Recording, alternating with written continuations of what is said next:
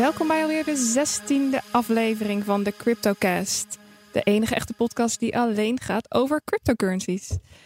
Tegenover mij staat Herbert Blankenstein. Hoi Madelon. Hoi Herbert. En naast mij staat Boris van der Ven van GameKings. En Madelon Vos doet de presentatie deze keer. Yay. Yes, hartstikke leuk. Vuurdoop. Eh, allereerst wil ik eventjes graag de sponsors bedanken. Dat zijn bitmymoney.nl, eh, bitmymoney.com en bittonic.nl. Excuses. En we hebben natuurlijk een disclaimer, want alles wat wij zeggen in deze podcast is geen beleggingsadvies. Nee. Vandaag hebben wij eh, Herman Visia te gast, wetenschapper, ondernemer en tevens eigenaar van Bilex. Welkom Herman. Dankjewel, eh, Madelon. We gaan het vandaag hebben over de IPC, ICPO, de Initial Public Coin Offering. Ehm, want Herman doet met zijn bedrijf eh Bilex een ICPO. Wat daar zo bijzonder aan is, horen we zo meteen. Want we gaan eerst even beginnen met de tweets van onze luisteraars. Die zijn binnengekomen.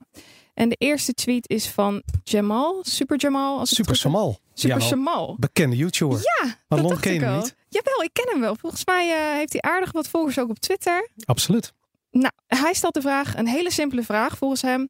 Komt het wel goed volgens jullie? Is de hype niet gewoon over en gaat het nu langzaam doodbloeden? Het gevaar is dat als Facebook een coin start, dat het dan veel sneller mainstream wordt dan Bitcoin zelf. Zeker in een periode als Bitcoin slecht gaat. Wat vinden we daarvan? Ik word altijd heel blij van dat soort berichten. Want dat betekent dat we de bodem van de markt hebben bereikt. Denk je dat? Nee, Dat ik- hoop jij, dat hoop jij. dat hoop ik altijd. Maar Ja. ik denk niet dat dat zo is overigens. Maar ik denk dat zijn eh, zorgen volledig onterecht zijn. Ja, dat ik denk ik dat, ook. dat je twee dingen kunt onderscheiden. Ehm, aan de ene kant dit, dit soort geluiden van eh, is het nu afgelopen met bitcoin, die heb je dus in elk dal. Ja, elke keer als het omlaag gaat, dan eh, zijn er zowel eh, fans die bang worden als de haters natuurlijk die blij worden. Die zeggen het is, het is afgelopen met bitcoin. Was met Tesla overigens ook zo afgelopen week. Ja, ja, Ja. ja, ja, bijvoorbeeld ook. Ehm, maar ik vind het wel grappig dat hij eh, dan noemt dat Facebook met een coin zou kunnen komen. En eigenlijk wil ik wel horen wat jullie daarvan denken. Want Facebook is natuurlijk een ontzettend machtige partij. En wat gebeurt er als Facebook met een coin komt? Nou, de vraag is niet of Facebook met een coin komt, maar wanneer Facebook dat met een coin komt. Wat gebeurt? En- want als Facebook met een messenger komt, dan gaat iedereen die gebruiken. Ja. Als Facebook komt met, eh, nou ja, noem maar wat anders op, eh, eh, stories of iets dergelijks. hè, dan gaat iedereen dat gebruiken. Ja, nou ja, of dat interessant is, gaan we zien. Ik, ik vind het eigenlijk wel interessant eh, eh, wat Herman daarvan vindt. Want de vraag is natuurlijk ook, hoe komen ze met een coin? Wat gaan ze dan doen? Ja, dat is altijd de vraag. Wat voor soort coin is het? Hè? Gaan ze proberen om een, eh, een eh, hebben ze lef en gaan ze een equity coin doen? Koopt, koopt al een, stukje Facebook? Ja. Of gaan ze een utility coin doen van eh, u kunt bij ons allerlei bonussen krijgen of u kunt bij ons spulletjes kopen voor weinig voor die coin? Ja, korting op de smileys, dat soort dingen. Ja. Dat gaan ze doen hoor. Ze- ze- ja. Ja, ik, het zou bijna dom zijn om het niet te doen, zou ik bijna zeggen. Ja, het is, ja. de, de, de, technologie is gewoon veel te mooi. Ja. Maar Eh, wordt dat dan de nieuwe bitcoin? Of met andere woorden, hè, wordt dat dan een belangrijker betaalmiddel dan bitcoin of, of weer een andere Nee. coin? Nee, nee, nee, nee, nee. Ik, ik, in- ik zelf denk dat Bitcoin altijd, Bitcoin zal blijven als een soort van het, eh, het goud van de crypto. Eh, eh, ik denk dat over een jaar of vijf heeft niemand meer één Bitcoin. Heb je nog een heel klein beetje en daar ben je dan trots op. En die, die, die- die leg je ergens weg en dan denk je, oh, ik heb er nog eentje. Ehm, eh, dus Bitcoin zal altijd blijven. Ik, ik geloof, als er iets de boventoon gaat voeren, dan zal het een, een, een systeemcoin zijn als, als, als Ethereum of Stellar. Die gaan we zakelijk gebruiken. En die hebben we gewoon nodig om het hele spulletje te laten draaien. Dus eh, het is geen beleggingsadvies, maar eh, Nee hoor, Ja. niks hier is. Maar ik vind het wel grappig dat jij zegt, eh bitcoin zal altijd blijven. Eh, ik denk dat er een paar hier zijn die dat ook wel onderschrijven. Aan de andere kant, ik las eh, in het nieuws deze week, dat is niet mijn nieuwtje, maar nu, Mhm. nu eh, komt het zo eh, in mijn hoofd eh, naar boven. Een of andere goeroe, ik weet niet meer wie, die zei van in het jaar 2118, 100 jaar na nu, Pieter Schiller was dat. Dat was niet een of andere goeroe. Ja. eh, dan, dan hebben we vast geen bitcoin meer. Ja. Nou, en ik denk ook inderdaad dat op die termijn, jeetje, wie weet hoeveel wereldoorlogen we dan vooruit, hebben ja. gehad. Dat het heel raar zou zijn, heel verrassend zou zijn, als we dan nog wel een bitcoin Hij is een heel beroemde eh, econoom. Ehm, en eh, wat zo interessant is, hij heeft eerder al de ondergang van Bitcoin voorspeld, die Schiller. Uh, hij, volgens mij is hij, uh, nou hou me te goed, volgens mij is hij docent bij Harvard. Maar um, hij heeft dat dus eerder gedaan. En nu heeft hij, wat hij eigenlijk opvalt en wat hij nu doet, is dat hij het moment waarop de ondergang van Bitcoin er komt, heeft hij soort van heel ver in de toekomst uh, geschoven. 21, 2, ja, hoe cares man. Ja, ik weet zijn we er toch niet meer. Dat ik daar later in deze podcast nog op terugkom. Maar dan hou okay. ik, hou even okay. mijn kruid droog. Ja, oké. Okay. En dan gaan we naar de volgende vraag. die is van Harry Keusters. En die zegt er is veel te doen over de 51% attack. Ja. Mijn vraag is dan ook, zijn de grote Bitcoin pools inmiddels niet zo groot dat ze al de hash power even op een kleine proof of work altcoin kunnen richten en ze dan bijna allemaal kunnen overnemen, CQ uit de markt kunnen drukken? Een self-fulfilling prophecy dat Bitcoin de grootste blijft. Of mis ik wat? Ja, de vraag stellen is een beantwoorden eigenlijk. Um, boze tongen beweren dat dit al gebeurt. Uh, want het is wel interessant. Kijk, de, we hebben uh, in onze chatgroep ja. een hele discussie gehad over, uh, over die 51% attacks. En wat ik zelf interessant vind, is dat die eigenlijk zijn losgebarsten op het moment nadat uh, een, uh, twee onderzoekers aan de Universiteit van Twente met een onderzoek kwamen waarin ze lieten zien hoe je door middel van het manipuleren van timestamps eigenlijk een soort van voorsprong kunt nemen uh, op het creëren van bloks binnen netwerken. En daarmee kun je dus heel efficiënt een 51% aanval uitvoeren, waardoor je dus eventjes gedurende een uur zeggenschap hebt over dat, over dat netwerk. kunt doen en dat soort dingen. Inderdaad. Wat interessant was, is dat de oprichter van een, een, een fork van Bitcoin, Bitcoin Gold, het in Australië aan de stok kreeg met Craig Wright oftewel fake Satoshi.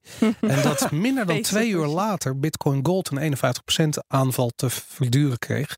En bijna al zijn coins, uh, of tenminste één exchange was, was uh, een paar miljoen aan coins kwijt.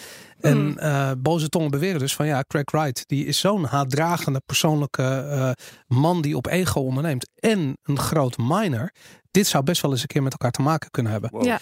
En ja, tuurlijk is het zo. Uh, waarom die 51% attacks bij al die altcoins die bijvoorbeeld een bepaald algoritme um, uh, hebben, dat is omdat er iemand in staat is geweest om een uh, groep of een batch ASICs computers, hele gespecialiseerde mining hardware te produceren voor een bepaald algoritme. En dat gewoon inzet om te minen. En in de avontuurtjes gewoon ook eventjes inzetten om een 51% aanval uit te voeren. En het is niet te achterhalen. Wat dat betreft uh, heel interessante ontwikkeling. Ja, want wij hadden het uh, in onze groepsapp er even over dat Charlie Lee een tweet de wereld ingooide. En die gaf aan dat het heel makkelijk is om bepaalde coins te hacken. En hij heel zei, goedkoop, zei hij vooral. Ja, heel goedkoop. En ja, hij zei, voor ja, example, uh, Bitcoin met een market cap van minder dan 1 miljard. Is dat dan bil, biljard? Miljard? Miljard. Ja. Miljard, ja. Um, die kan een 51 procent attack uh, te verduren krijgen voor nog geen 600 dollar. Ja, dat kost niks. Maar dan moet ik zeggen, dat klinkt allemaal heel leuk en ja. aardig. Uh, Bitcoin staat er volgens mij in voor, vijf, voor, voor een half ja, miljoen. Ruim een half miljoen. Ja, het, het, probleem is, die hardware is niet voorhanden. Je kunt niet eventjes naar de winkel gaan en zeggen van ik, ik huur eventjes een uur lang genoeg hardware om een 51% aanval aan te doen. Ik dacht dat, dat uh, alle hardware van Google daar nog niet genoeg voor zou zijn. Voor Bitcoin zeker niet. Maar er zijn natuurlijk wel partijen en vooral mining pools die dat Die wel al, kunnen. uh, ja. Maar het probleem is, op het moment dat je dat doet en dat wordt vastgesteld, dan word je in één keer het netwerk uitgeknikkerd. en worden de bloks die jij vervolgens mindt, worden gewoon niet meer gezien En dat als kan vastgesteld worden, bedoel jij? Uh, met terugwerkende kracht altijd. Die 51% aanval gaat wel lukken, maar daarna heb je gewoon een heel groot probleem. Maar niet lang bedoel je dus? Nee, en die, als daarvoor uh, 500 miljoen aan mining software staat, nou, of aan mining hardware staat, die ga je niet verhuren voor 5 ton om eventjes uh, uh, de mining pool kapot te maken. Bottom line, de kleine coins zijn wel uh, at risk ja. Gevoelig hiervoor, maar de grote niet. Nou, het hele interessante is waar, waar het eigenlijk om gaat, is uh, achterliggend die discussie uh, over proof of work versus proof of stake. Ja. Van wat Ja. is proof of work nou eigenlijk? En hoe werkt security op proof of work? En dat is gewoon een, een, een, ja, een, een, een kwestie van krachtpatserij. Zoveel mogelijk servers, dat is veiligheid. En dat is wat Satoshi bedacht heeft. En ja, om heel eerlijk te zijn, al die kleine coins hebben altijd al het stempel gehad van dit is risico, risico en nog eens risico. Ja. En hier zie je waarom. Ja. Waar zou de grens liggen? Top 10 of zo? Nou, ik denk eerlijk gezegd uh, uh, dat er één grote. Um, uh, het, het, hang- het, het per algoritme zijn er gewoon, is er steeds één grote coin. Dus ik denk eigenlijk alleen Bitcoin en Ethereum op dit ogenblik, die zijn echt veilig. En voor de rest heb je nog afgesloten netwerken zoals Ripple bijvoorbeeld. Ja. Daar kun je gewoon niet bij komen, Mhm. omdat het gewoon een gecentraliseerd gesloten systeem is. Oké. Maar daarom misschien wel veilig. Oké, Norbert Smit heeft ook een vraag. Die zegt: Ik heb een start-up, LabChain. En deze gebruikt blockchain voor een veilige bloedtransactie tussen labs. Een ICO zou ideaal zijn, maar nu kleeft uh, te veel aan mijn, aan mijn cowboy-imago uh, voor medische toepassingen. Um, biedt een ICPO uitkomst?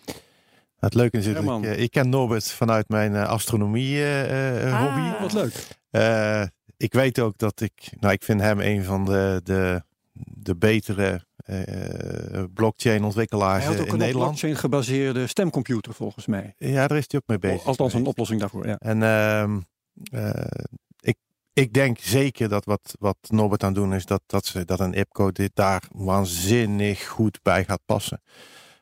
de oplossing die ze gemaakt hebben, lost echt een probleem op. ook op, op het gebied van ehm, security rondom dit soort ja, gevoelige medische gegevens. Uh, Norbert is iemand die het ook kan, heeft ook al bewezen. Hij bouwt ook uh, koffiezetapparaten op blockchains en zo. Ah, die, die hebben we nog dus. genoemd hier. Ja. Ja. ja. Kon je op afstand kon je betalen en dan mhm. ergens ter wereld kwam er dan koffie uit een automaat. Iemand anders exact, het dan exact. Kijk, en uh, juist als je zo serieus bezig bent met dat vak en je zegt van ja, ik, ik, ik wil daarop gaan uitbreiden, dan is een IPCO uh, ja, het, het, ideale verhaal eigenlijk. Want die is eerlijk, het, die valt binnen alles wat je nodig hebt om een bedrijf te financieren, bescherming van de aandeelhouders, et cetera. Ben je het er mee eens dat er nu zo'n cowboy-imago uh, rondom ICO's hangt, dat veel bedrijven dat afschrikt? Ja. Ja. ja, dat begrijp ik volkomen. Ik wil uh, de, in een jaar tijd is er zo verschrikkelijk veel veranderd. Hè. Vergis je niet. Hè. We, vorig jaar zaten we nog uh, rond deze tijd was denk ik eh, Bancor ongeveer uh, die begon. Ja. En dat toen iedereen wakker werd. En, en nu moest je kijken, elke dag uh, tiental... 80 per dag. Ja. Nou, 80 per dag. Um, ja, je kunt niet eens meer bijhouden. En, nee. en, en ik noem het altijd douchemuntjes kopen van een camping die gesloten is. En als je dan binnen mag, heb je waarschijnlijk ook nog koud water. Dus, Met uh, andere woorden, dat cowboy-imago, ja, daar moeten we inderdaad voor oppassen. Dat, zeggen, dat, dat is er en het is niet ten onrechte. Dat zeg je echt. Nou, dat is absoluut niet ten onrechte. En het is alleen jammer dat de terminologie uh, hetzelfde blijft. Uh, betekent het, zodra je dus nu het woordje crypto's noemt, dan gaat iedereen al bij wijze van spreken stuiteren. Oei, oei. Ja. En ja. daar moeten we eigenlijk vanaf. Want het heeft daar een IPCO en een ICO hebben in principe eigenlijk, eh, hoe raar het ook klinkt, niet echt heel erg veel met elkaar te maken. Als, je, als het gaat om, om uh, legitimiteit en uh, ja, het legaal zijn van iets. Maar dan heb je het over details die ja. 99% van de mensen sowieso niet snappen. Dat klopt. En dat is het. Uh, maar goed, daar moeten we zo meteen ja, absoluut even inhoudelijk over ja, ja, we moeten, gaan hebben. Ja. We moeten eraan beginnen. We gaan eerst door naar het nieuws. Ook deze week bespreken we weer de actualiteit. Uh, Herman, laten we beginnen met jouw uh, nieuwtje. Nou, ik heb eigenlijk een, een, een, ik heb eigenlijk twee nieuwtjes. Ja. En uh, daar ben ik zelf ook wel heel blij mee. Een prachtig bedrijf in Nederland heet Okkel Computers. die hebben via Indiegogo en Kickstarter hebben ze al een paar miljoen opgehaald om gewoon een eigen computer te ontwikkelen. En hoe schrijf ik de naam van dat bedrijf? O-C-K-E-L. O-C-K-E-L. Oké. Okay. Okkel. En gaat, uh, uh, heeft gezegd, wij gaan de IPCO doen, want wij willen onze gebruikers, hebben 70.000 fans, die willen we nu ook bij onze onderneming gaan betrekken als aandeelhouder. Uh, we hebben een, een decentraal, uh, decentrale cryptobeurs, wordt ontwikkeld in Eindhoven. Het bedrijf heet Chaintip. En die zegt ook, wij gaan een IPCO doen. We willen het volledig transparant en legaal gaan doen. Dus een gereguleerde beurs op gaan tuigen. Uh, en we hebben dan, mag helaas de naam niet noemen, maar een uh, biotechbedrijf, een spin-out van de, van de VU. Uh, en die, gaan, die zijn medicijnen voor, voor kanker aan het ontwikkelen. En die willen ja, gaan proberen om, om buiten de, laten we zeggen, de venture capitalist om patiënten of mensen die er een gevoel bij hebben bij kankeronderzoek mee te laten participeren in de onderneming. Om zo funding te krijgen voor dat kostbare onderzoek. Het is fantastisch dat je dus ook direct het resultaat kunt bijhouden. In plaats van dat het geld gaat naar een achter een muur verdwijnt en je ziet nooit meer wat terug. Ik hoor trouwens allerlei uh, potentiële onderwerpen slash gasten voor de CryptoCast ja, komen. ik zit ook druk mee te schrijven. Ja. Ja, ja, absoluut. Ja. Nou, hartstikke goed. Uh, volgende nieuwtje. Uh, Herbert, ja, um, ik las bij Motherboard, bekende um, ICT-nieuwssite van Vice, een, een, berekening van de kosten van het minen van Bitcoin in kilowatturen. En het, uh, wat je voor dezelfde kilowatturen kunt bereiken in het kweken van wiet. En wat dat dan oplevert in dollars. En wat het dan oplevert. En, uh, want het zijn allebei activiteiten natuurlijk die uh, naar verluid een hoop opleveren, ja. maar ook een hoop energie kosten. Hè? Ook de wietplantages, die, hoe vind je die? Door met een helikopter met een warmtegevoelige camera boven de nieuwbouwwoningen te gaan hangen. Mm -hmm. En te kijken waar een hele hoop warmte uit vandaan komt. Of, of je meet bijvoorbeeld welk, op welke adressen krankzinnig veel elektriciteit wordt geconsumeerd. Zo spoor je wietplantages op. En als je zou willen, ook bitcoin mining rigs. Want die hebben in feite hetzelfde, dezelfde eigenschappen. Wat blijkt nou? Het is uh, stukken voordeliger in termen van uh, opbrengst per kilowattuur. Ja. Om wiet te kweken dan om bitcoin te minen. Op En dit dat- moment. Op dit moment, ja, tuurlijk, want het is van allerlei factoren. En op deze plek, hè, of op de plek waar eh, in de Verenigde Staten, waar eh, eh, Motherboard dat onderzoek heeft. Ja. gedaan. Dus dat verschilt natuurlijk per eh, land. Mhm. Want zoals bekend is in Venezuela de el- elektriciteit heel erg goedkoop. En ehm, nou, fijn, die, dat is dus eh, op allerlei, van allerlei eh, andere factoren ook nog afhankelijk. Als de koers stijgt op de lange termijn. De koers van de bitcoin is een probleem. De, de prijs van de wiet kan variëren. Dus het is niet iets wat een wet van mede en pers is. Maar ik vind Mhm. het wel heel leuk dat ze het hebben gedaan. Ja. En ik vind de uitkomst ook heel grappig. Hè, want bitcoin is niet per definitie altijd het beste om te doen. Wil ik wel nog even bijzeggen. Want eh, mijn wetenschappelijke achtergrond gaat dan ook even meespelen. Dit is de opbrengst per kilowattuur. En eh, bitcoin minen, dan ben je, als je die kilowatturen hebt geïnvesteerd, ben je klaar. Maar wiet moet je oogsten, verpakken, versturen, noem Ja. maar op.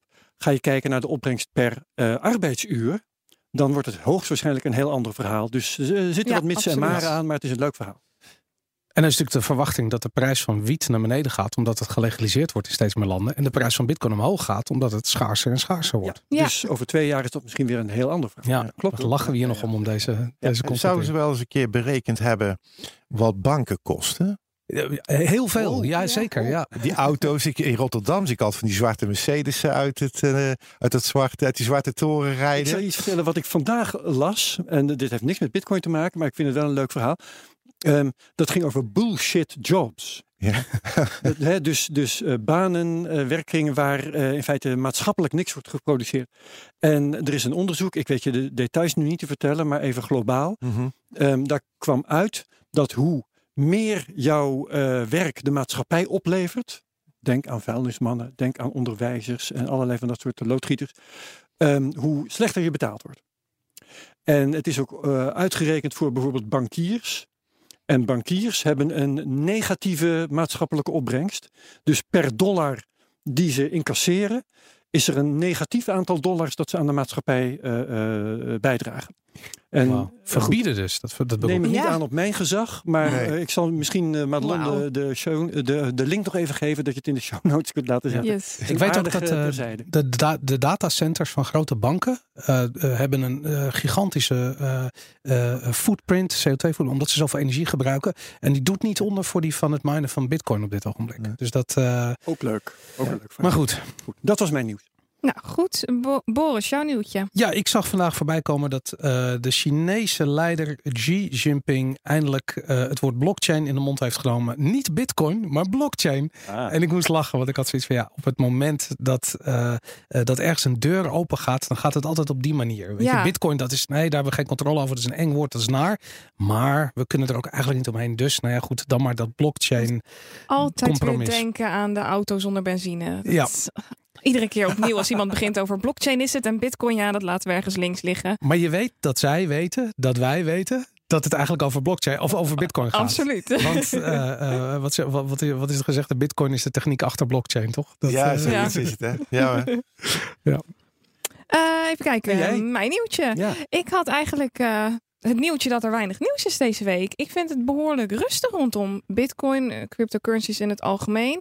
En Ja. het was eigenlijk het toppunt. Ik stuurde het ook even in onze groeps WhatsApp. Dat eh, ja, de RTL eh, kwam met een item over een afklikkliniek voor cryptoverslaafden. Doet Ja, maar aan dat- games dat, denken. eh, ja, Dan heb je dat ook. Zodra er geen nieuws is, dan krijg je dat soort komkommernieuws inderdaad. Ja. Ja. komkommernieuws. Ja. Goeie woord. Nou, er was dus heel weinig nieuws. En eh, ja, dan kunnen we ook gelijk door naar de prijsanalyse. Want dat had ook zijn effect weer op de prijs. Eh, dat viel eigenlijk eh, ja, in het niet. Vorige week hadden we nog wat behoorlijke schommelingen. En deze week is het relatief rustig geweest. Gisteren ging er toch eventjes 500 dollar vanaf wat er eergisteren, of kwam er Ja. weer bij wat er eergisteren vanaf ging Ik of vond het behoorlijk rustig. Ik weet niet hoe jullie er tegenaan keken. Maar is Madelon de definitie van rustig. Ja, ja, Ja. Het, het schommelt niet zo hard meer. We, we hebben echt enorme spikes gezien van eh 9000 naar 800 en daarna van, of 9000 naar 8000, sorry. En daarna van 8500 weer terug naar eh 7000. Dus dan heb je het over spikes van 1500 eh, dollar. En dit viel eigenlijk rustig mee. Ehm, nu had ik vorige week aangegeven dat wij aan het wachten waren op de positieve divergentie. Omdat we op het randje van de afgrond aan het bungelen waren. Die is niet En, gekomen. eh, ik had positieve divergentie op de 4 uur. Oké, Dus we zijn er niet doorheen gevallen en dat was heel erg mooi. En, maar eh, dat is, eh, ik vind dat heel interessant. Ik heb dat gevolgd namelijk, want ik dacht hier gaan we. En toen, eh, eh, de, de reden dat we er niet doorheen zijn gevallen, is één specifieke pump geweest op een bepaald moment. En ik heb bijna zoiets van, het lijkt wel zo iemand er gewoon naar zit te kijken. En die heeft gewoon zoiets van, nou nu moeten we eventjes voor een paar honderd miljoen bitcoin kopen, want anders zakt hij er doorheen. alle bots die gaan af op zo'n eh, analyse. Dat is wat er gebeurt. die zijn kijken bots. echt naar de 70 eh, of de 30 op de RSI. Ja. En dat merk je ook echt. Kijk, je- ik laat nu ondertussen even Boris de grafiek zien. Ik zie hem, ja. Eh, je ziet hier duidelijk dat de bodems van de koersen omlaag gaan en de bodems op de RSI omhoog. En zodra de RSI weer terug eh, boven de 30 komt, zie Ja. je dat de koers spijkt. Maar als we dan een klein beetje uitzoomen, hè, want we zitten nu naar de vier uur kaart te Ja, kijken. En eigenlijk zie je het hier ook al een beetje. Die En ik trend wil is weten, als grotere leek dan jullie, wat betekent dit? Dat we. Iemand zit de koers te steunen? Of, eh, Dit is Wat? puur eh de algo, markt. algo. Dit zijn bots die dit Oh, eh, bots. vraag en Ja. aanbod wat op dat moment eh, samenkomt. En bots die reageren op het moment dat die koers door een bepaald punt heen schiet. Of steun heeft op een bepaalde weerstand. Maar Madelon, ik ben inmiddels eh, best wel negatief geworden, best wel pessimistisch geworden. Omdat we al zo'n tijd aan het aanhikken zijn tegen die 8000 dollar grens. En dan gaan we maar niet doorheen. En inmiddels is dat de 7500 dollar grens. En ja, we staan gewoon, laat ik zo zeggen, het- als er nog een heel klein beetje tegen zit. Dan gaan we zo ontzettend hard naar beneden Ja. straks. Want dan, er is er ook geen support meer. Ja, Tot daar aan heb je wel gelijk 4000 in. Eh, dat is dan een vrije val naar beneden. Eh moet ik wel een kanttekening bij maken. Als we de één dag grafiek bekijken, zien we dus nog steeds die symmetrical triangle. Ja. Het volume wordt lager. Wat dus inhoudt dat er wat kracht uit de markt weg aan het vloeien is. Maar we zijn op dit moment heel laag op de RSI. We hebben een eh, oversold area gehad de afgelopen week. En dat was eigenlijk een koopmoment. Dat indiceert dan een koopmoment. En eh, we hebben nog veel ruimte omhoog. De RSI staat relatief laag. Het volume is ook laag. Dat is op zich nu geen ramp. eh, want de koers is omlaag gegaan. Dus er is nog ruimte omhoog. Ook als je die eh, triangle, die, die driehoek echt even goed bekijkt, zie je dat we nog best wel een stukje, stukje naar boven kunnen gaan. Dus er is nog geen man pak een beetje overboord. 9000 dollar ongeveer. Ongeveer. We zitten nu nog wel eh, op het randje van de afgrond. Nou, we zitten er eigenlijk niet meer op, maar we kunnen nog wel eh, de afgrond zien, om het zo maar te zeggen. Dus het is nu behoorlijk, eh, ja, be- behoorlijk spannend of we nog verder omlaag gaan of niet. En ik verwacht dat, dat, dat we nu nog weer ruimte hebben omhoog. Fascinerend. Zeker weten. En eh, de McAfee-indicator, daar ben ik ook wel heel erg benieuwd naar. McAfee, nou, dat kan ik je vertellen. Ik zal hem even erbij pakken, maar uit mijn hoofd gezegd. eh, ik heb er vanmorgen naar gekeken en toen stond hij 28% in de min. Zo. Wat dus betekent dat eh, de werkelijke prijs van de bitcoin op dit moment, eh 28, het is nu 27,4%, achterloopt op wat die zou moeten zijn onderweg naar een miljoen eind 2020. Ja. Dus eh, dat is het korte verhaal over de McAfee prediction. Eh, maar ik wil er iets bij vertellen. Want McAfee heeft zich nogal geroerd de Ja. afgelopen dagen. Absoluut. En hij is verder aan het voorspellen geweest. En hij is zo onverstandig. En nu kom ik terug op die Schiller, die eh, heel veilig is gaan vo- voorspellen voor over een eeuw, als hij er zelf toch niet meer is. McAfee is zo stom geweest nu om te voorspellen dat op 12 juni, hè, dus dat is over binnen twee weken, Twee weken. dat de Bitcoin op 15.000 dollar zou staan. Maar dat Nou, is, ik bedoel, het Gaat is. hij dat zelf doen? Ja, Er is- daarom. ja, dan dat moet hij zo. Ja. Maar er is geen betere manier om in een ommezien ongelijk te krijgen en te kakken te staan. Maar het dan is- dit. dat heeft hij nu al gedaan. Want niemand kan de toekomst voorspellen. Hij ook niet. En als je. zelfs dat hij daarna in juli weer omlaag gaat en allemaal van dat soort Ja, dingen. maar da- da- da- dan, dan serieus. kunnen wij met z'n allen een betere voorspelling doen, denk ik. Dus Want, eh, zoals jij zei, hij gaat naar boven of hij gaat naar beneden. En ik denk dat dat de beste voorspelling is. Die Dat doe ik iedere week opnieuw. Hij gaat naar boven of hij gaat naar beneden. Nee, er is, er is ruimte omhoog. Maar om nou te zeggen dat hij gaat verdubbelen, nee. Nee, echt absoluut niet. Dat is uit de lucht gegrepen. Dat is Hij is ook een aandachtzoeker natuurlijk. Ja, en, Ja. en hij preekt natuurlijk voor eigen parochie. Dat ook niet te vergeten. ja, en is ook voor een hele handvol eh, eh, eh, altcoins is hij eh, koers aan het voorspellen geweest. Nou, we weten dat hij daar gewoon geld voor vangt. Daarom. Ja. En, eh, maar het, ja, het, het blijft een grappige man. Het is voortdurend entertainment. En eh, daarom blijf ik hem wel volgen. En eh, natuurlijk die, eh, die eh, Bitcoin Price Tracker. Daar blijven we elke week even naar kijken. Yes. Ja. En dan gaan we nu naar het eh, beleggingsspel. Want we gaan weer beleggen. Ik ben super benieuwd hoe het ervoor staat met, eh, met de wedstrijd. Eh, Herbert, zou jij willen beginnen? Ehm, ik heb staan op dit moment 686,32 euro. Een minuut geleden was het nog 686,31 euro. Dus er zit schot in. Best wel goed. We- en nog, no- no- nogmaals wil ik benadrukken. We hebben maar één keer tijdens één aflevering de Ja. afgelopen drie maanden het gepresteerd om boven die fictieve duizend dollar uit te komen. Dus Ja, het is Als ik met vergrootglas op zoek ga naar lichtpuntjes, dan eh, stel ik vast dat ik een heel klein beetje meer heb dan vorige week. Want toen stond ik op 600 zoveel en 60. Ik weet niet eens meer precies even kijken. Dat komt door jouw Cardano, heb ik gezien. 665, 63 stond ik vorige week. Mijn Cardano is, ehm, even kijken hoor. eh, nou, dat zeg je, maar dat gold vanmorgen. En het is nu nog maar een half procent in Ja. het groen, Oh. de, de Cardano. Oh jee. Ehm, en als ik nou even kijk, hè, wat, wat zijn nou eh, donkere gaten? Een donker gat is nog steeds Walton Chain. Die staat, eh, een partje dat ooit 100 dollar was, is nu 42. Dus je zet ze bijna 60% in de min. Zelfs NIO staat meer dan 55% in de min. Zo. Nano, die ver boven de, nou ver in de plus heeft gestaan, staat 45% in de min. Het is echt een slagveld. Ether staat ehm, meer dan 35% in de min. Dat gaat maar door. Elastos, die plus heeft gestaan, staat 15% in de min. Dus ja, ehm puinhoop. Boris, Ja. en jij? Nou, bij mij is het puinhoop nog groter. Eh, ik kwam er namelijk achter dat... Dat is een lichtpuntje voor mij. Ja, Ja. absoluut. Ja, de, Minder de, slecht. de app die ik gebruikte, die gaf namelijk aan dat ik eh, vanochtend eh, 863 dollar en 6 cent had. En toen zat ik even te kijken, want ik kijk er, je, je verslikt je er bijna. Het klinkt indrukwekkend. Maar ehm, ik heb ooit een keer de helft van die ehm 500 dollar, of van, van die 1000 dollar, dus 500 dollar, heb ik in Bitcoin private gestoken. En ik zie nu net dat die app gewoon keihard een verkeerde prijs aanhoudt. Ehm, eh, eh, als het om Bitcoin private gaat. En eh, nou is het inderdaad zo dat, dat die app, want ik zat even te kijken waar dat vandaan komt. Er is één exchange die een hele niet kloppende vreemde koers aanhoudt van Bitcoin private. En daarmee de markt, of eigenlijk de, de, de data die uit die markt komt, verpest. Nou, lang verhaal kort. Welke app en welke exchange is dat? ik gebruik Blockfolio en dat klopt niet. En de exchange waar die die data vandaan haalt is KuCoin. Oké. En dat klopt ook niet, want Bitcoin Private is alleen nog maar te verhandelen op HIT, BTC en Ja. wat kleinere exchanges.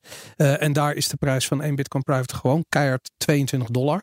Eh, wat betekent dat ik eigenlijk, als ik die lage prijs van Bitcoin Private aanhoud, op dit ogenblik nog maar 517 dollar 58 heb. En dat, Wow. Oei. ja, en dat, dat, is, dat is gewoon dramatisch. Dat is gewoon echt. eh, Boris staat hier met afgezakte schouders. nou, we- weet je wat het stom is? Wat ik eigenlijk van plan was toen we deze podcast begonnen, is om die 1000 dollar in bitcoin te steken en er niet aan te zitten. En als ik dat gedaan had, daadwerkelijk, had ik nu 980 eh, of bijna 92 dollar gehad. Ja, want ik heb nog steeds de helft namelijk in, eh, Ja. in bitcoin zitten. En dat is nu 446 dollar waard. Dus eh, pak een beetje eh, eh, eh, 890. Mijn, mijn 100 dollar bitcoin is nu nog maar 78,52. Dus Maar het komt, toen wij begonnen stond eh, eh, bitcoin misschien Rond de 11.000? 11.000, zoiets. nou, oké. Maar goed, whatever. daar hoeven we niet al ruzie over te maken. In ieder geval, eh, het gaat dramatisch. Ja, en eh, ik stel dus vast over lichtpuntjes eh, dat ik nu voor het eerst voor lig op jou. Dat wil zeggen, misschien lig ik al heel lang voor op Dat jou. denk ik Ja, wel. Ja, ja. waarschijnlijk Je ligt al heel lang. licht. ja, Met inderdaad. mijn desastreuze beleid van altcoins kopen. Toch nog. Enfin, ja, eh, ik heb met je terug. Gefeliciteerd. Ja. En jij Madelon? Ja, ik schaam me wel een beetje om dit te zeggen. 3000 dollar. Ehm, nee, nee, nee, dat absoluut niet. Ik heb het rustig aangedaan deze week. Ik sta nu op een eh 551 dollar en 40 cent. Dus dat is. Ja, eh, en je bent 10%. begonnen op 500 dollar, want we hebben hier een, een, een, een Ja. straf. Dus 10% in twee weken. Ja. inmiddels. ja, in twee weekjes. En eh, even kijken, in Bitcoin is het eh 11%. Dus op zich gaat het eh, relatief prima. Ik heb het behoorlijk rustig gehouden deze week. Ik heb, uh, even kijken, een beetje bitcoin gehandeld. Uh, vooral op basis van positieve negatieve divergentie en uitbraken, koersuitbraken van patronen. En daarbij heb ik eigenlijk de symmetrical triangle aangehouden. Dus dat was heel simpel. Ik heb wat Tron gehandeld, wat Neblio gehandeld en wat Cardano. En dat was het eigenlijk. Dat is heel hele. Ben je al uit... zo Ja, zo, zo, simpel is het. Ongelooflijk. Het spijt me zeer. Ja. ja, maar ik zei het al, ik ben hier echt waanzinnig slecht in. En uh, dit is niet voor mij.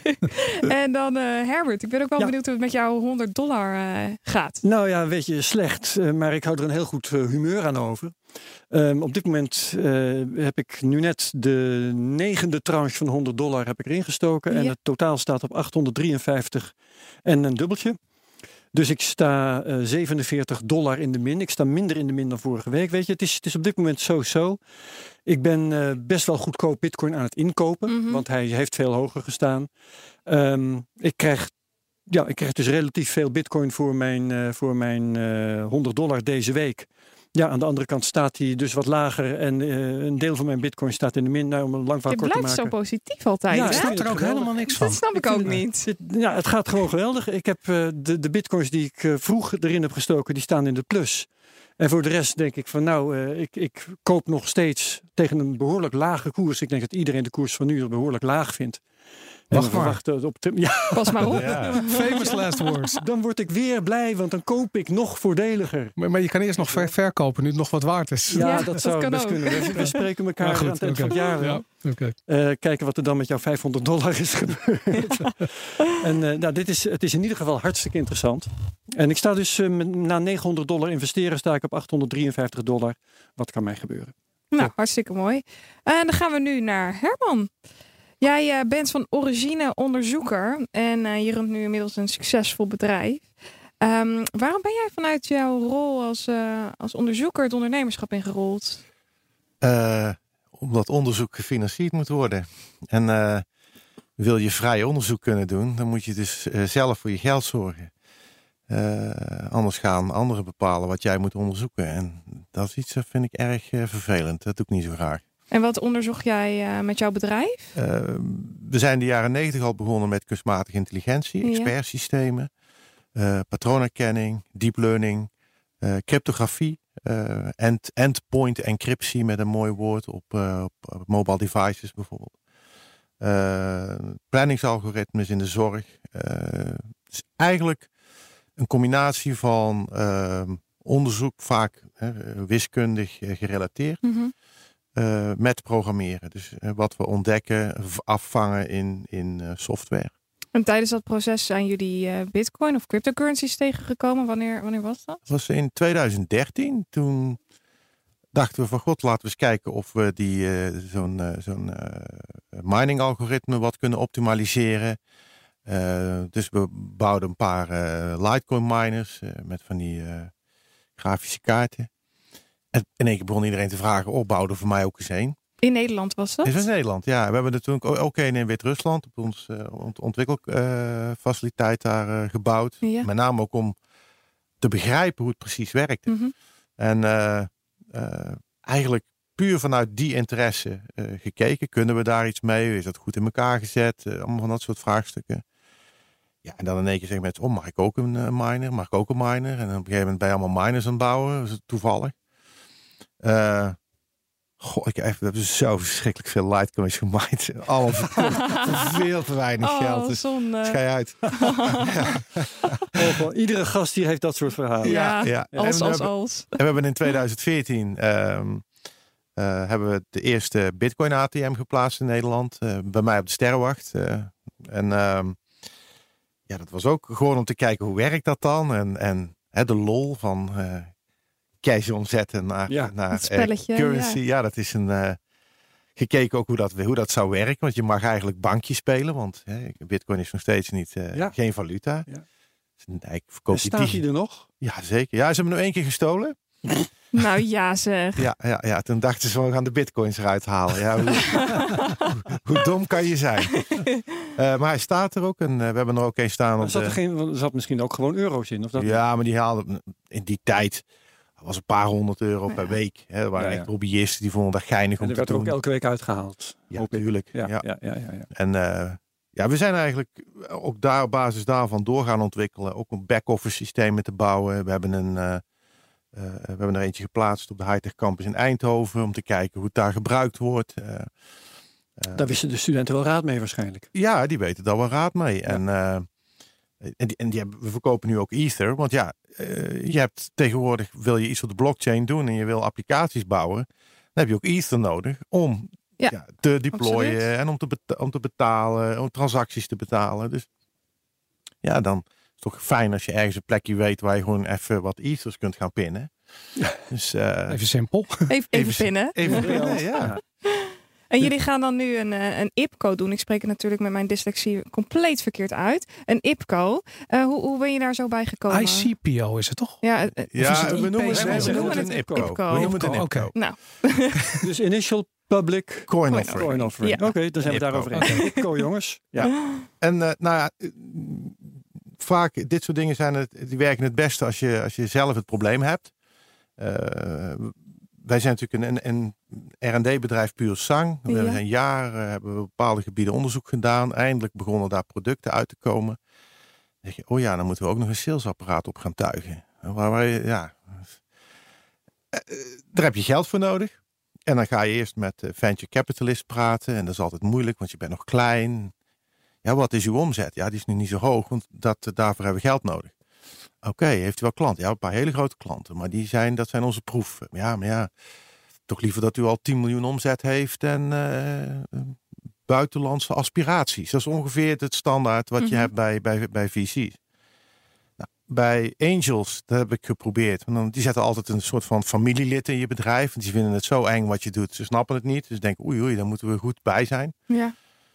En dat is ook heel vervelend en heel beperkend. Een ICO, denk ja, we hebben meer dan één product. En ik, ik wil dat ook niet. We bestaan ook al 25 jaar. En toen dacht ik, laat ik nou eens proberen. Want ik heb natuurlijk in 25 jaar best wel veel met aandelen, bedrijfjes opgericht. Uh, met veel aanlouders te maken gehad altijd ellende. Duurde altijd lang handtekeningen verzamelen naar de notaris. Die had nog net geen ganzenveer om het aandeelhoudersregister in te tekenen. Oh. En toen dacht ik, als ik dat toch eens, als ik nou eens gewoon ja, al mijn aandelen ga tokenizen. En dan van mijn eigen bedrijf, dus gewoon zeggen van nou oké, ik ga een medicijn maken en ga het op mezelf uitproberen. Dat geeft ook een bepaalde druk. Ja, want het moet legaal. Voor hetzelfde geld staan ze in één keer op de deur te kloppen. En zeggen, wilt u eventjes uw bedrijf sluiten? Wat, wat u aan het doen mag u helemaal niet doen. Ja. En dat hebben we met advocaten gedaan, met notarissen. En uh, daar zijn we nu, ik denk, alles bij elkaar zo'n 14 maanden mee bezig. En we hebben net onze, onze eigen IPCO achter de rug. Maar je kan nog steeds bij ons, bij buyshares.com, kan je nog steeds aandelen kopen. Ja, want wij kregen net een, een kaartje van jou. Kun je dat eens uitleggen? Ja, visitekaartje. Het is eigenlijk een, eh, een, een we hebben een, een, een kaartje in het formaat van een creditkaart met op de achterkant een krascode. Met de instructie dat je, hoe je een Ether wallet aan moet maken. En dat, is, dat vertegenwoordigt een echt aandeel van mijn bedrijf. Met stemrecht, met dividendrecht. Um, uh, Hoeveel procent van je bedrijf is dit? Eén kaartje, dat is volgens mij 1, 2 miljoenste deel ongeveer. Het is iets. ik moet uh, nog flink uh, vaak jou tegenkomen. En ja, ja, verzamelen. kaartjes verzamelen. Uh, maar, maar even een vraag over, die, over die, ehm, die, de, de, vorm waarin jullie dat doen. Hè? Want mm -hmm. dat lijkt me best wel ingewikkeld. Als ik de grootste. Ik, ik zie yoga-leraren 5 miljard binnenhalen met een ICO. Ja. Ik bedoel, als het, waarom moeilijk als het makkelijk kan? Omdat een ICO per definitie niet gereguleerd is wij, wij staan. Jij wilt het gereguleerd doen. Ik wil het gereguleerd. We hebben het. Uh, ik werk samen met, uh, met wat bankiers, met, met echt grote advocatenkantoren, met, uh, met grote accountancykantoren. We, we, hebben het hier over crypto's en een markt van een, nou ja, een, was het 500 miljard of zo op dit mm -hmm. moment, zeg maar. Maar dat is helemaal niks. Dat is kleiner als, als, als, als, als de pensioenfondsen bij ons, veel kleiner. Ja. Stel je voor dat we iets verzinnen wat net zo makkelijk is en net zo fijn is, maar gereguleerd is. Wat als we dat soort liquiditeit in één keer kunnen gaan inzetten uh, met blockchain technologie. En hoe zit dat juridisch in elkaar? Op het moment dat je dus eigenlijk de aandelen van een BV uh, stopt in een, uh, in een token, mm -hmm. hoe werkt dat juridisch gezien? Wat we gedaan hebben, we hebben een, een, een een oude bekende afgestoft. Uh, dat heet de, de STAK, de Stichting Administratiekantoor. Tot 2012 werd het veel gebruikt om stemrecht te beperken van aandeelhouders. We hebben gezegd van nou, die gaan we weer opnieuw gebruiken. En wat leuk, die heet al administratiekantoor. Want die gaat de aandelenadministratie, eigenlijk de certificaatadministratie, voeren op de Ethereum blockchain. Middels uh, smart contracts en een, een DApp, een Distributed Application. En eigenlijk zorgt die stichting voor de aandelenlogistiek. En de blockchain, ja, je moet namelijk bij, uh, bij je moet een certificaathoudersregister hebben. Dus mhm. we moeten weten wie jij bent. Dus je moet inderdaad vertellen wie ben jij. En, uh, want we kunnen jou anders geen tokens overmaken. Kunnen we ook mooi regelen. Betekent dat je ook geen tokens kunt hebben als je niet gewitelist bent bij ons. En we zijn nu bezig. We hebben het al uh, zo gemaakt dat we straks uh, het, het whitelist proces kunnen gaan koppelen. Het liefst aan een Nederlandse beurs die gereguleerd is. Ja, dan zegt heel simpel, zegt de Nederlandse beurs, wij doen de hele KYC, AML uh, onboarding. Ja. Wij koppelen de applicatie van het bedrijf aan de beurs. En iedereen kan gaan handelen. Waar ik dan over nadenk, als je puur kijkt naar de beurs nu. Uh, dit is dus eigenlijk een hele makkelijke manier om uh, een IPO te doen via de blockchain. Maar als je kijkt naar de bedrijven die nu gelist zijn of genoteerd zijn op de beurs, het kost voor bedrijven hartstikke veel geld om überhaupt een IPO te doen. En het is hartstikke duur om een bedrijf beursgenoteerd te laten zijn. Dat, dan spreek je over een miljoen per jaar uh, ongeveer. Dat is even nat vingerwerk. Ja. wordt het dan heel makkelijk voor kleinere bedrijven om naar de beurs toe te gaan? Of gaat de hele beurs hierdoor verdwijnen? Heb je überhaupt zicht wat voor impact dit zou gaan hebben? Mijn gevoel is dat het een geweldige impact hebben. Ik vertelde net in de voorbespreking al, als je van uh, Oud-Gastel, waar wij zitten, mm -hmm. dat is bij Bergen op Zoom in de buurt, hier naartoe rijdt naar Amsterdam. En je kijkt om je heen. Ik heb de route Rot Rotterdam genomen. En alles wat je ziet aan waarde. Loodsen, vrachtwagens, schepen, bijna alles is, heeft, uh, is gevat in de, in de juridische structuur als een BV. Mm -hmm. En een BV is zo liquide als een betonnen paal.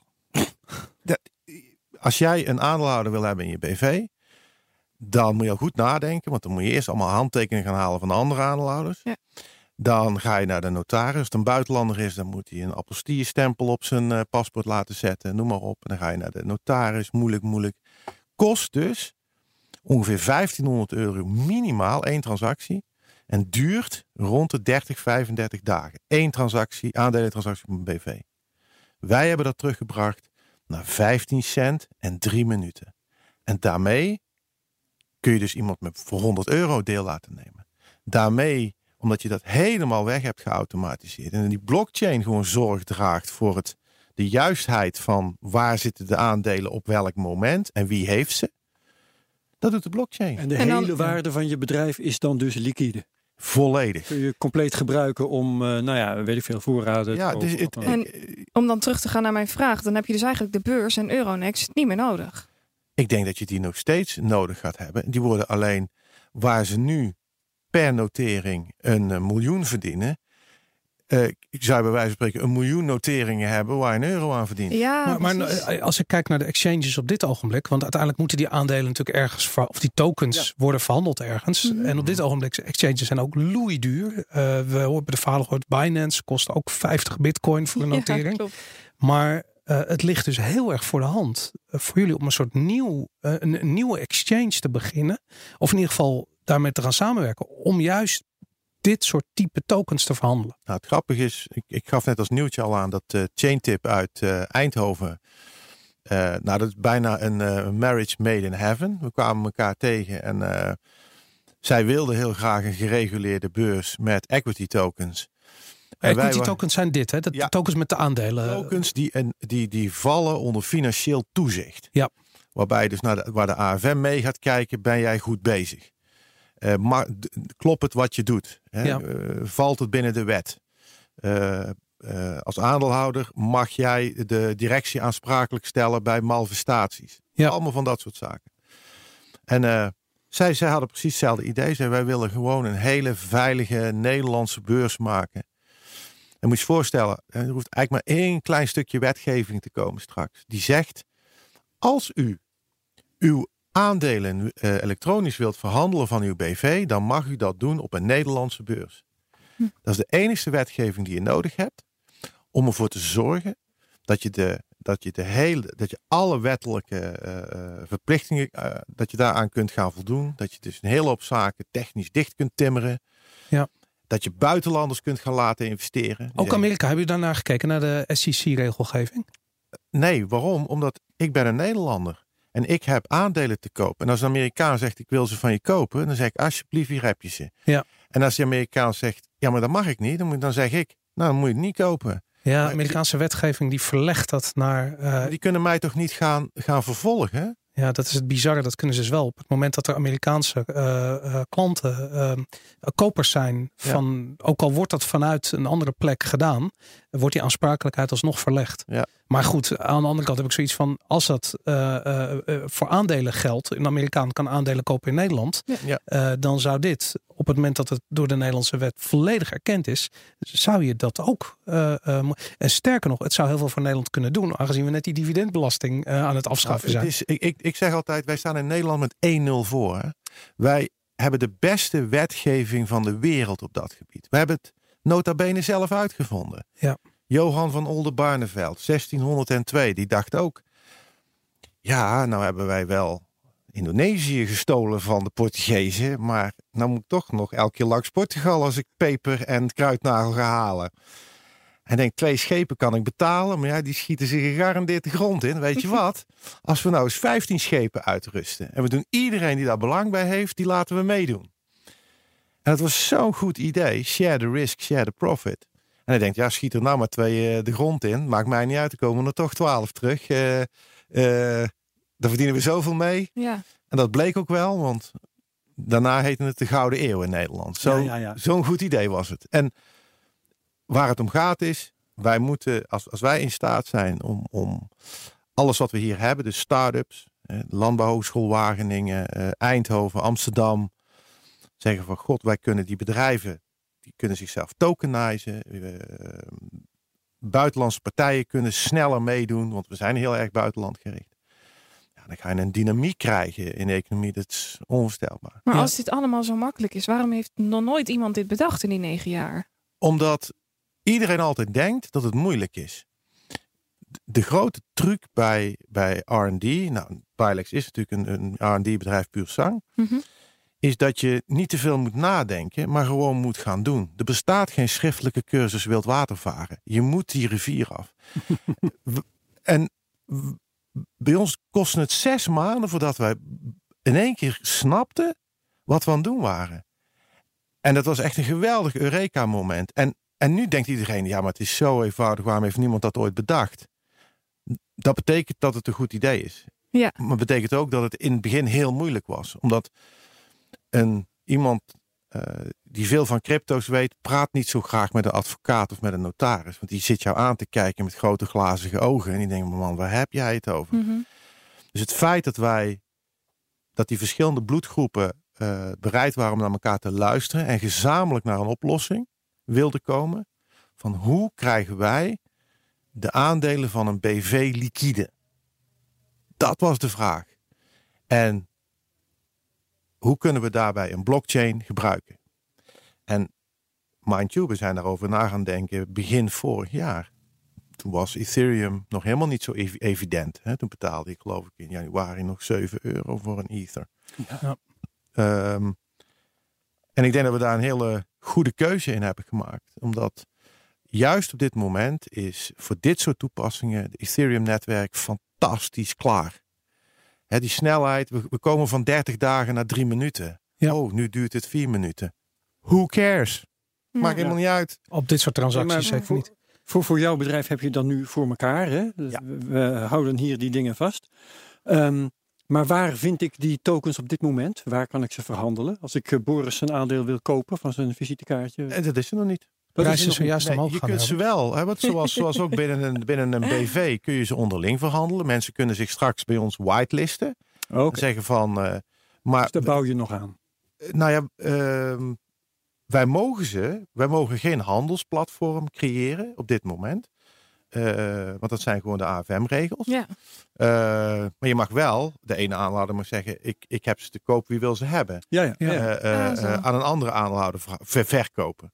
Wij mogen geen, wij doen niet aan prijsvorming, vraag en aanbod. Maar in die zin is het dus nog niet public. Nee, en dat P is van precies het kip van de kip en het ei. Er waren geen equity tokens, dus zijn er geen beurzen die equity, equity tokens kunnen verhandelen. Mhm. Dus wat maak je nou eerst? De equity tokens en dan de beurs? Of eerst de beurs en dan de Ja. equity tokens? Dus dit Ja. is de stap die jij zet eh, als eerste. Ja, we Om zien nu beurs, dat eh, bedrijven zeggen van, maar wij vinden het zo interessant om alvast onze aandelen te tokenizen. Want het, is- het heeft ook wel wat juridische implicaties. Hè? Voordat je dat helemaal strak hebt staan, Ja. moet, dat moet je eerst doen. Maar dan kun je alvast zeggen, nou, dat hebben we gedaan en nu wachten we gewoon tot de beurs er is. En dan gaan we los. En eh, nou even wat praktische vragen. Stel je voor, ik heb een bedrijf. Ik wil, ik wil dit gaan doen. Ik Ja. ben op zoek naar funding. En eh, eh, toevallig, ik, ik heb ook wat... eh, Herman, helpt mij. ja, hoe, hoe werkt dat? Kan ik aankloppen ergens en zeggen we, van... hebben een, we hebben een spin-out gemaakt. Dat heet Liquid. L-I-Q-W-I-T-H. With. Het is eigenlijk liquide samen. Ja. Liquid. Eh, .io. Liquid.io eh, kun je een aanvraag indienen bij ons. Wij bouwen voor elk bedrijf hun eigen DAP.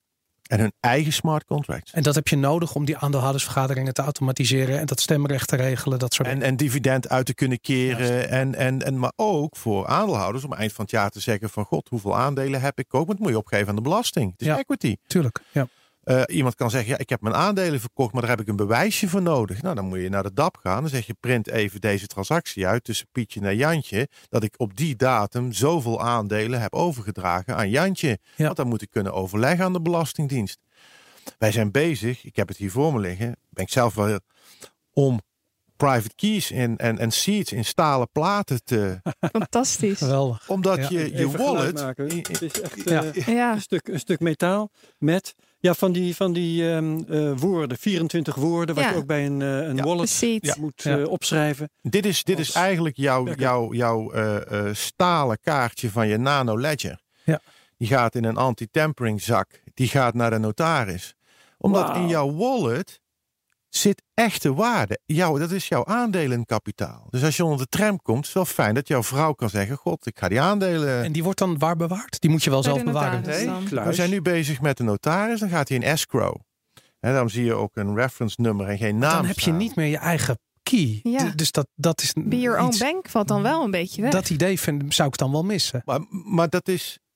Je mag hem houden, de plaat. Ja, oké. Het is gewoon een extra security. eh. Ik denk dat eh, een hoop mensen niet beseffen hoe belangrijk die private key is. en misschien voor ja. de mensen die niet weten waarom die in een plaat is gegraveerd, zou je dat nog kunnen uitleggen? Het leuke is dat eh, bij eh, brand, als je het op een papiertje hebt geschreven, dan eh, is je private key weg. Ja. En in een stalen, roestvrij stalen plaat, Dat is een Fantastisch. smeltpunt van die plaats. volgens mij 1200 graden. Oh, Dus deze die kan je in de grond stoppen en na 500 jaar zegt iemand, hey, een private key, toch eens kijken of die nog werkt, weet je niet?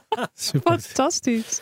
Maar, maar dus eh, nog even terug naar die, naar die vraag. In principe kan elk bedrijf eh, bij Liquid aankomen, liquid.io aankomen en, en zeggen van nou, ik ben geïnteresseerd. Ja. Eh, wat lijkt, het lijkt me belangrijk dat die, dat bedrijf een eigen doelgroep heeft eh, om aan te verkopen op dat ogenblik. Een soort van PR te doen, wat eigenlijk nu beurzen doen. Ja, De beurzen zijn goed in mensen met geld naar zich toe te trekken. En, ja, market makers. We zijn nu, het, het leuke is, we, zijn, we hebben een initiatief gestart om dit. We praten hier niet over, over Liquid eh, die een leuk appje heeft gemaakt. We praten hier over een volledig nieuw financieel ecosysteem. Ja. We praten met een van de Big Four. We praten met een grootzakelijke bank, want iemand moet dadelijk de Big white Four Accountancy kantoor. ja, sorry. Ja. Een van de eh, een grootzakelijke bank. Die moet white-labeled bankrekeningen gaan leveren voor de beurs. We praten met de grootste advocatenkantoren. We praten met ehm, eh, nog een paar beursgenoteerde bedrijven die zeggen van god, wij willen straks gaan investeren in high-tech startups. Is dat de manier? We gaan binnenkort samenkomen in juni. En dan gaan we eigenlijk dat ecosysteem definiëren. Wij moeten bedrijven hebben die eh, custodian rol gaan. gaan hè. Wie gaat dit KYC-stuk doen? Ja. Wie durft die rol naar zich toe te trekken? Want hoe zit dat nu, die KYC? Het leuke is dat Staat voor Know Your Customer trouwens. Ja. Voor de mensen die dat Mhm. Eh, nou, het grappige is dat de wetgever een beetje vergeten is om dat ook te definiëren voor certificaathouders. Ja. Dus wij mogen. De wet is nu nog zo dat de, de, de stichting zelf mag bepalen wat de eisen zijn eh, voor wat betreft de identiteit van de certificaathouders. Dus wij kiezen NAW-gegevens, eh, eh, e-mailadres, eh, gekoppeld aan jouw Eth- Ethereum wallet eh, nummer. Wij denken dat dat gaat veranderen. Wij denken ook dat je daar de normale KYC-procedures voor moet gaan volgen.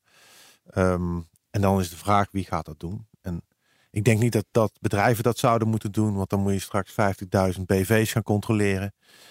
Maar dat zou een hele mooie rol zijn voor banken. KPN is het aan het proberen. Die zeggen, god, misschien kunnen we die private keys wel op gaan slaan. Toch op wel een SIM. interessant. De, want, want daarnet had je het over de notaris, hè, waar die zak met jouw stalen plaatje heen zou gaan. Nu praat je over een rol voor de banken. Ja. Ik zie eh, al die clubs die eh, door de blockchain teloor zouden gaan, zie ik opeens weer vier overeind komen. Ja, Dat is Maar zo'n dan, systeem eh, dat is ook, natuurlijk dat ook. is ook Ja. altijd. Kijk, iedereen is, is eh, iedereen wordt altijd bang gemaakt. Eens wat er moet gebeuren. Iedereen, ze krijgt, men krijgt een nieuwe rol. Ja. Ja, Nieuw oké. jasje. Banken hebben namelijk kluizen. Daar kan je hartstikke mooi private keys in opbergen, bij wijze van spreken. Notarissen doen graag contractjes maken. Die kunnen zeggen, wij doen een escrow overeenkomst met jullie afsluiten. Eh, de, de, vooral, er zullen zaken gaan veranderen. En het is, het is de vraag, wie gaat zijn rol pakken? Ja. En wij hebben gemerkt dat alleen al ons initiatief... eh, men komt ontzettend graag praten hierover. Want men heeft nu het gevoel van, hey, we hebben eindelijk hebben we een stip aan de horizon waar we naartoe kunnen. Mhm. Eigenlijk, als wij het in Nederland voor elkaar krijgen, dan zijn we, de- zijn we nog sneller als Zwitserland, sneller als Wit-Rusland, sneller als Malta, sneller als En op wat voor termijn zouden we dit voor elkaar kunnen krijgen als Nederland zijnde? dit jaar. Ik vind, ik vind het echt briljant. Echt mijn complimenten. Ja. Omdat ik, ik, ik, ik snap de uitdagingen waar bedrijven voor staan. En ik vind namelijk dat dit de efficiëntie van blockchain technologie combineert met eh, de laagdrempeligheid van crowdfunding. Met de degelijkheid van het bestaande systeem. Ja. Het neemt het beste van al die werelden. En Ja. ik, ik ben zelf ondernemer. En ik weet hoe ontzettend waardevol het is dat je snel kunt schakelen. Het is echt heel erg goed. Ja, Zij eh, Boris die gekleed gaat in een t-shirt waarop staat Supreme. Geen reclame maken. Nou, we denken zelf ook, als we, ik ben ook erg trots dat, dat, dat een bedrijf als, als, als, wat ik al zei, ook al computers nu gaat zeggen, dat gaan we doen. Of zo'n chain tip die eigenlijk weet als we een beurs gaan bouwen, dat we een ICO zouden kunnen doen. Zeggen nee, dat gaan we niet doen. We gaan het, we gaan echt aandelen uitgeven. Dat betekent dat je straks, eh, als zij IPCO gaan, koop je aandelen in een, in een, eh, eh, in een beurs. Ja, en die zal niet geen 500% stijgen. Het zal niet zo'n zo'n gekkenhuis zijn als met die, die, die andere crypto's. Maar ja, wel lekker voor je pensioen, Ja. denk ik dan. Ja. Absoluut. Ja. Nou, en het, er zit echt waarde achter. En dat is die eeuwige die discussie die wij hier ook in de studio Mhm. bijna wekelijks voeren. Van wat is dan de intrinsieke waarde van een of andere Ja. coin? Hier heb je het gewoon over bedrijven. En de waardering van die bedrijven is gewoon een, een, een ja, dat kun, je, dat kun je gewoon vaststellen. Daar heb je accountants voor nodig. Daarom, ja. En die zeggen van Ook zo. Ja, iemand moet een keer nog. iets gaan roepen. ja. Ja. Ja, ook, ook zij worden, eh, wat dat betreft, accountancybureaus worden niet overbodig. Alleen hun rol gaat veranderen. En dat moeten we nou eens leren. Dat, eh, ik, ik stuur nog steeds wel, eh, eh, ik heb een kennis wonen in Amerika, die stuur ik nog steeds brieven. Alleen elektronisch en vroeger waren ze van papier. De wereld verandert helemaal niet zo snel. Hij wordt alleen sneller en we gebruiken technologie om het efficiënter te maken. Ja. En dat is in dit geval ook zo. Ik denk Leuk. dat dat een mooie afsluiter is, want we zijn door onze tijd heen. Eh, Herman, heel erg bedankt en heel veel succes het Dankjewel. volgende jaar. Herbert, ook bedankt. Graag gedaan. Boris, Graag gedaan. Vos voor Ja. een eh, vlekkeloze presentatie. Yes, Absoluut. dankjewel. Dankjewel. Tot volgende week.